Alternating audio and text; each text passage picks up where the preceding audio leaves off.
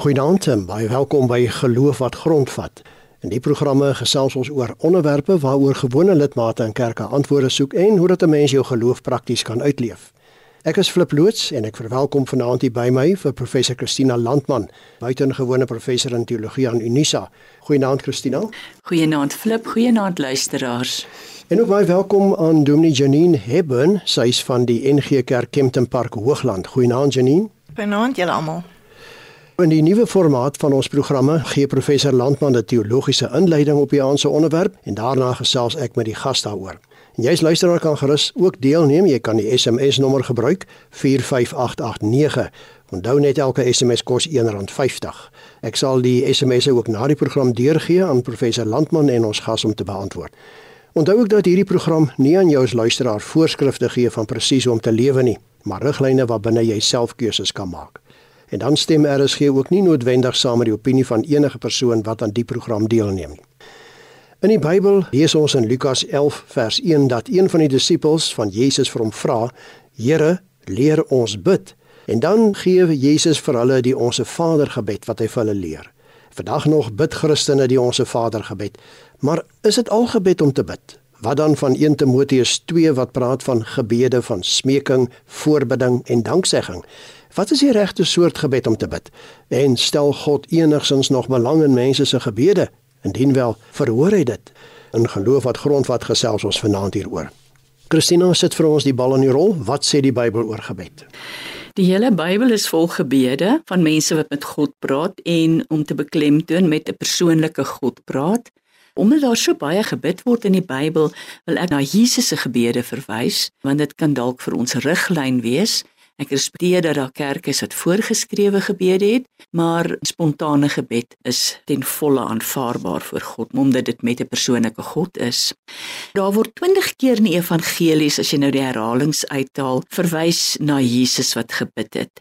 In 11 van hierdie kere gee die evangeliste dan ook Jesus se direkte woorde soos wat hulle dit onthou het.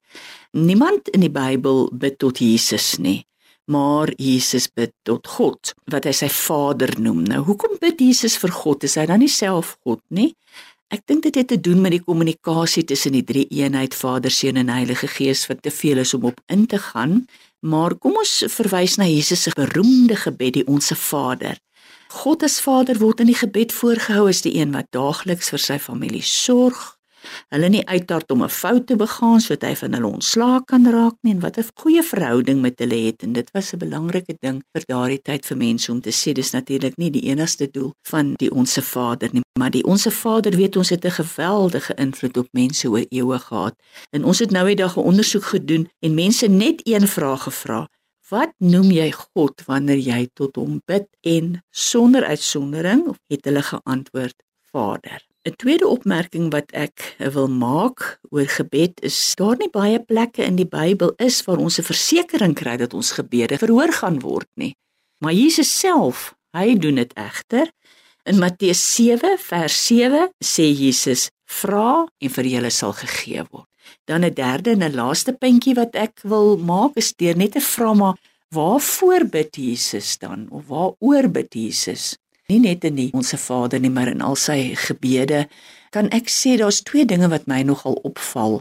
Dit kan ons help in ons eie gebede. Terwyl ek dadelik wil beklemtoon dat jy nie net voorgeskrewe gebede bid nie, dat die spontaniteit van die gebed, enige iets wat jy met God jou Vader kan bespreek, dat dit eintlik is waaroor gebed gaan. Nou twee dinge waarvoor Jesus bid is een Net voordat hy 'n groot besluit neem, dan bid hy. Byvoorbeeld voor hy sy disippels roep dan bid hy. Voor hy Lazarus opgewek het bid hy. Voor hy op die see loop. Dis die een ding van Jesus wat my opval en die tweede ding is dat Jesus deel sy angste met God as ons kyk net na die gebede in die tuin van Getsemane en waar hy selfs aan die kruis sê my God my God waarom het U my verlaat dit is vir my 'n ongelooflike bevrydende aspek van Jesus se gebede dat jy jou diepste angste jou diepste vrese en jou diepste verlangens met God kan deel Baie dankie vir daardie inleiding Christina. Janine, kom ons gesels oor gebed. Wat is dit? Is dit net 'n voortdurende klomp versoeke wat mense aan God rig? Ongelukkig bid ons meestal wanneer ons iets van God nodig het en wanneer hy moet uithelp. En dan hoop ons dat dit blitsvinnig gebeur en op die manier wat ons verkies. Maar om reg te bid is om te weet dat die Here nie net bloot hierdie hemelse verskaffer van religieuse dienste is nie. Want gebed werk nie soos 'n versoekprogram oor die radio waar ons hoop ons versoeke word daarom iewers gespeel nie. Gebed is ook nie hierdie vrome poging van ons kant af om God raad te gee oor hoe hy die wêreld moet regeer nie of hierdie bedekte opdragte oor hoe hy met almal om ons moet afreken. Nog minder is gebed vir vele godsdienstige rympies wat ons oor en oor met toe oë moet opsê. Want wanneer ons bid, praat ons met die lewende God. En ons gebede, soos die res van ons geloofslewe, is allereers op God gerig. Gebed handel altyd eerstens oor hom. Nou gebed is om met respek en eerbied in sy heilige teenwoordigheid te wees. Maar dit is ook om kleiner te word voor hom, om te bid dat sy naam geheilig word en dat sy koninkryk kom, dat sy wil geskied. Dis om meer van God te wil hê en minder van onsself.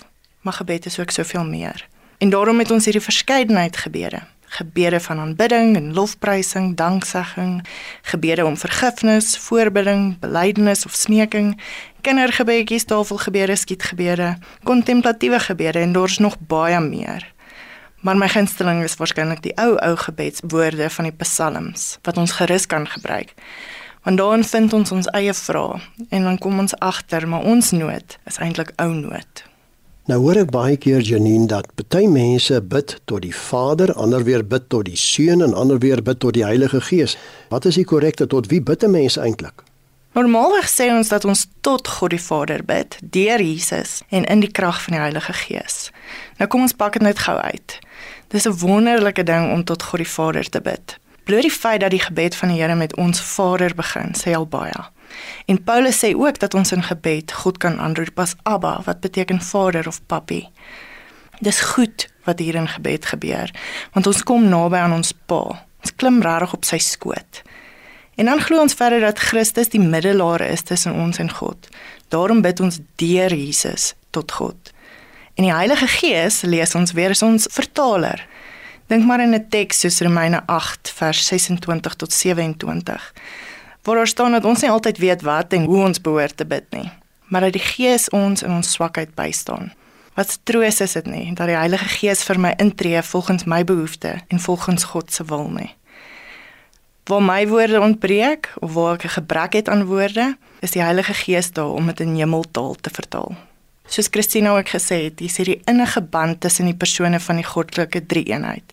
Om ons swakke gebede so te verstaan en so te verhoor dat dit volgens God se wil en tot ons voordeel en geloofsgroei is. Ek hoor nou die dag Janine iemand vra, "Hoekom moet 'n mens bid?" God is mos alwetend en hy weet mos wat in my en met my aangaan. Ek dink Christina het ook daarna verwys. Ja, dis inderdaad so. Jesus leer ons in Matteus 6 vers 8 dat hy in elk geval weet wat ons nodig het nog voordat ons dit vir hom vra. Maar ons kan nog steeds die fynere besonderhede van ons behoeftes aan hom oorlaat. Dit werk so. Ons smeek hom, ons vertrou hom en dan weet ons hy sal op sy eie tyd en op sy eie manier help. So leer Paulus ons ook in Filippense 4 vers 6 tot 7. Ons het ook soms nodig om bietjie wysheid van God af te bid. Hoe lei ek my lewe op die regte manier soos God wil? Hoe hanteer ek die versoekings wat my so van koers af kry? En wat moet ek doen om God tevrede te stel? Ons hoor dit baie, gebed is nie in die eerste plek 'n poging om God se wil te verander nie, maar 'n poging om God se wil te leer ken. Of anders gestel, ons kan hom nie beweeg nie, hy beweeg ons. Dis alles waar, maar die misterie is groter as dit om te ontken dat God dikwels op buitengewone manier ingryp en die normale loop van sake omverwerp, is om die kind binne in ons te probeer stilmaak. Al sê Jesus nie ons moet glo soos kinders nie, maar dat ons moet word soos kinders. Is dit belangrik om te onthou dat gebed is nie iets wat ons moet uitfigure nie. Ons bid in elk geval nie omdat ons in gebed glo nie, maar omdat ons in God glo. Ek weet daar soek mense wat sê, "Jong, as jy in die oggend opstaan, jou eerste ding wat jy moet doen behalwe om Bybel te lees is om te bid." En dieselfde met as jy gaan slaap, die laaste ding wat jy moet doen is om te bid. Wanneer is die beste tyd om te bid? Wel soos Christina gesê het, dan moet geen beperking op die spontaniteit van gebed wees nie. As jy met die Here wil praat, praat met hom. En as jy vir hom iets wil sê, sê dit. Ons sien dat Jesus in die môreoggend toe dit nog nag was gaan bid het. Dis vir my ook een van die lekkerste tye om te bid en die beste manier om 'n dag te begin, want jou gedagtes is nog vars en ons net 'n ander tipe fokus. Maar ook aan die einde van die dag geniet ek dit om te bid. Nadat al jou take afgehandel is, en dan sit lekker om met die Here te verkeer. Al voel dit soms of jy nie jou gedagtes van die dag kan uitwis nie, asof jy nie kan afskakel nie. Maar dis juist dan dat jy weet dat jy in die teenwoordigheid van God dit kan doen. En hier dink ek byvoorbeeld aan die wonderlike gawe van die eksamengebed. En verder het ons ook die opdrag om gedurig 24/7 te bid. Dit beteken dat jou lewe in die teken moet staan van voortdurende en volgehoue afhanklikheid en erkenning van God. Jesus moedig mense aan om na 'n kamer toe te gaan, die deur toe te maak en daar te bid. Hoekom? Want ons groot waarde in afsondering en gebed. Maar die enigste tyd wat jy dalk alleen is, is in die stort of op pad werk toe in jou kar of as niemand jou wil help om skottelgoed te was nie. Bid dan. Want dis 'n een aspek van Jesus se gebedslewe wat ons nie moet miskyk nie. Hy was in voortdurende gemeenskap met sy Vader elke minuut van die dag. Ons moenie vergeet dat ons op enige tyd en op enige plek met ons Vader mag praat nie. Christina, ek wil nou vir jou intrek. Sy sê nou ons mag enige tyd en enige plek bid, maar beteken dit nou as ek in die kar ry, mag ek met oop oë bid? Interessant genoeg staan daar nêrens in die Bybel dat jy oë moet toewees wanneer jy bid nie. Dit is RSG met die program Geloof wat grondvat en ons gesels vanaand oor stel God in gebed belang. Ek is Flip Loots en my twee gaste professor Christina Landman en Dominee Janine Hebben. En jy's luisteraar kan gerus saamgesels, gebruik die SMS nommer 45889. Onthou net elke SMS kos R1.50. Janine, daar word gesê daar's by die 8 biljoen mense op aarde. Nou dis 'n hele klompie. Hoe seker is ek dat God my individu, hierdie een ek nou se gebed gaan hoor? Nou kyk, daar's 'n paar dinge wat mens nie eers oor hoef te argumenteer nie. God hoor jou gebed. Soos Dawid ons ook in Psalm 17 vers 6 herinner. Ek roep U aan, want U sal my antwoord, my God. God luister wanneer mense hom nader in gebed en hy verhoor ook hulle gebede. Gelukkig het God nie wit broodjies nie. Al God se kinders is gelyk voor hom. Hy het ons almal eweveel lief en hy trek niemand voor nie. Daar's nie iets soos celebrity Christene nie. Titels, kerklike posisies, dit tel niks vir God nie. Ons almal is sy geliefde kinders in sy huis. Hy hoor elke gebed wat opreg in Jesus se naam voor sy troon geoffer word. En hy nooi ons ook uit, almal van ons, om eweveel te bid. En hy waarborg dat elke opregte gebed groot effek het. Elkeen wat hom opsoek volgens sy voorwaardes, sal aangehoor word. Hy draai na elke persoon, arm, ryk, swak of sterk, wat hom gelowig aanroep. Dit maak nie saak of jou gebed lank of kort is nie. 'n Skietgebed as jy in die nood is, weer klink ook in die hemelse troonsaal. Maar is God verplig om my gebede te verhoor? Nee. Wanneer gebed gebruik word as 'n towerstaf of 'n formule of 'n meganisme om God te beheer sodat my wil op aarde moet geskied, dan het gebed iets geword wat geen uitwerking het nie. Ek het 'n paar jaar terug 'n video gesien op YouTube van iemand wat God uitbeeld as hierdie butler in hierdie groot mansion. In die video is die butler dan altyd gereed om sy meester te bedien en vir hom te kry en te gee alles wat hy vra. Ek wonder daarom hoe vir hoeveel mense is God soos 'n butler wat gereeld moet staan om te gee, selfs in die naam van Jesus, soos hulle dan ook vra. Die butler spreek dan ook die bidder aan as meester. Dis nie wat ek verstaan van gebed nie. Ons moet besef dat die verhoring van gebed nie 'n reg is nie, maar 'n voorreg.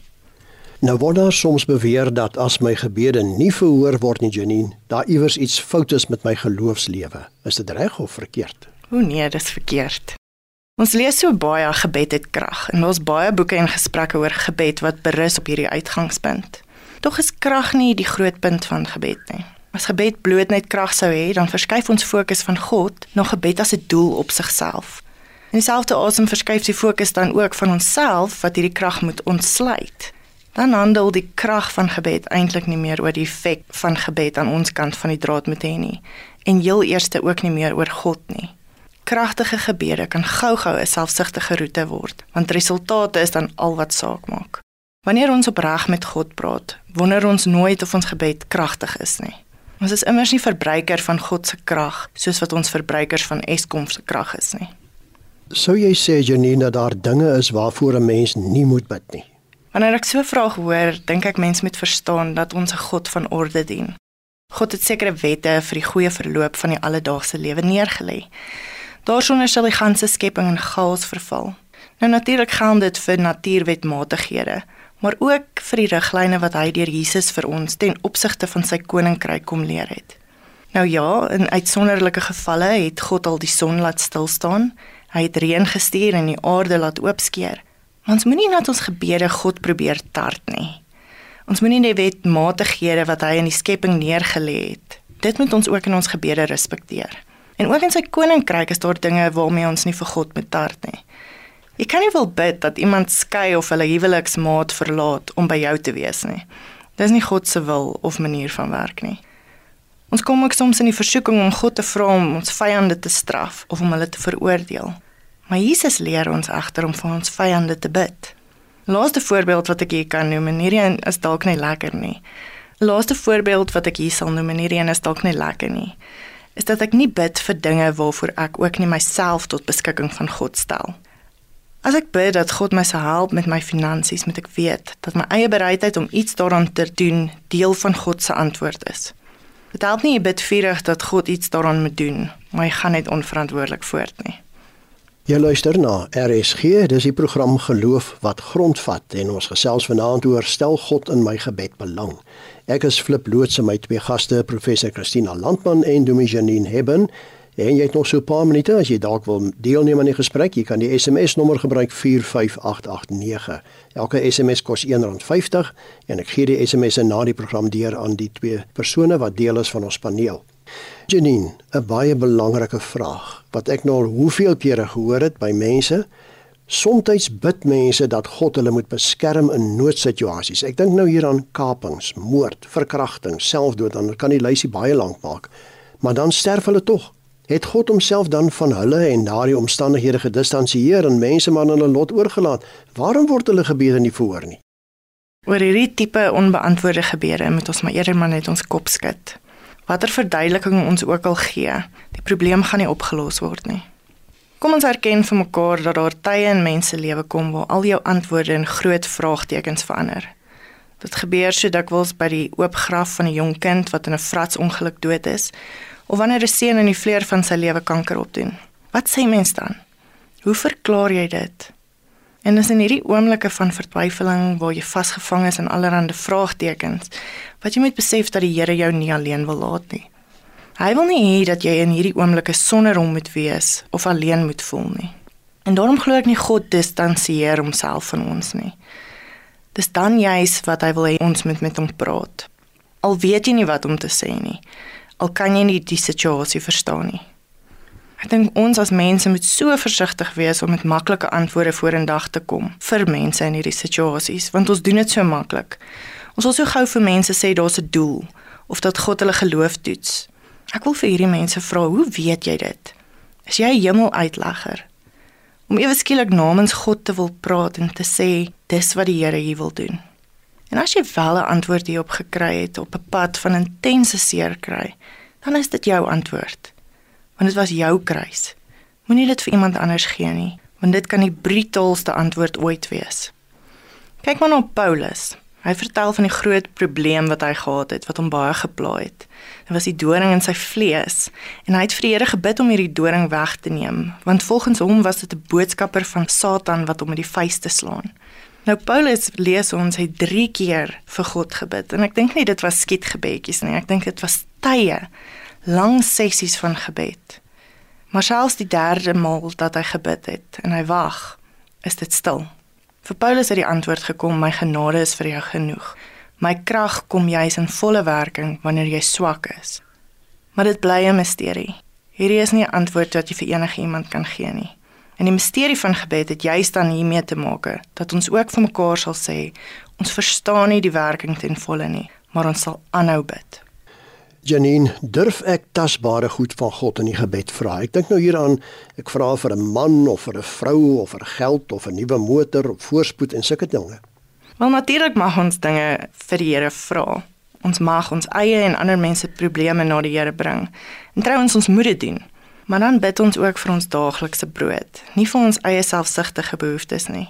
Ons bid in ooreenstemming met God se woord en binne sy wil.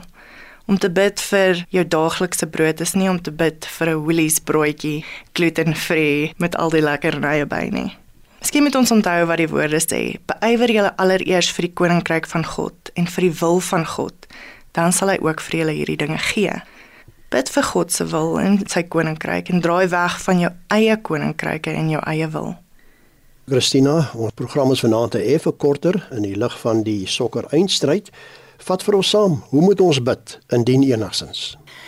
Flip ek sal dan nou juis graag 'n sokkerspeler wil aanhaal in hierdie geval wat vir die Here gebid het en gesê het: "O Lord, I don't ask you to give me a goal. I'm just asking you give me a gap." En ek dink dit som omtrent ons gesprek vanaand hier op dat ons nie God kan manipuleer om aan ons behoeftes te voldoen nie, maar dat gebed wel 'n ruimte is waar ons ons behoeftes aan God kan voorlê. En dan wil ek tog ook net wys daarop dat ek baie pasiënte gehad wat wanneer hulle regtig in die moeilikheid is, dan vra ek vir hulle maar wat dink jy kan ons hieraan doen? En dan sê die persoon ons kan maar net bid. En weet jy, dit is ook nie waar nie. Die punt is, soos Dominee Janine hier gesê het, moet ons eie bereidwilligheid hê om iets te doen aan ons situasie en kan ons dit ook deur gebed aan God opdra en kan ons dan ons oë oop hou vir ander oplossings wat die Here vir ons kan stuur waarvan gebed maar net die begin is. Janine, die laaste woord is joune. Watter rol speel gebed in mense se lewens? Geloof in God is leeg sonder gebed.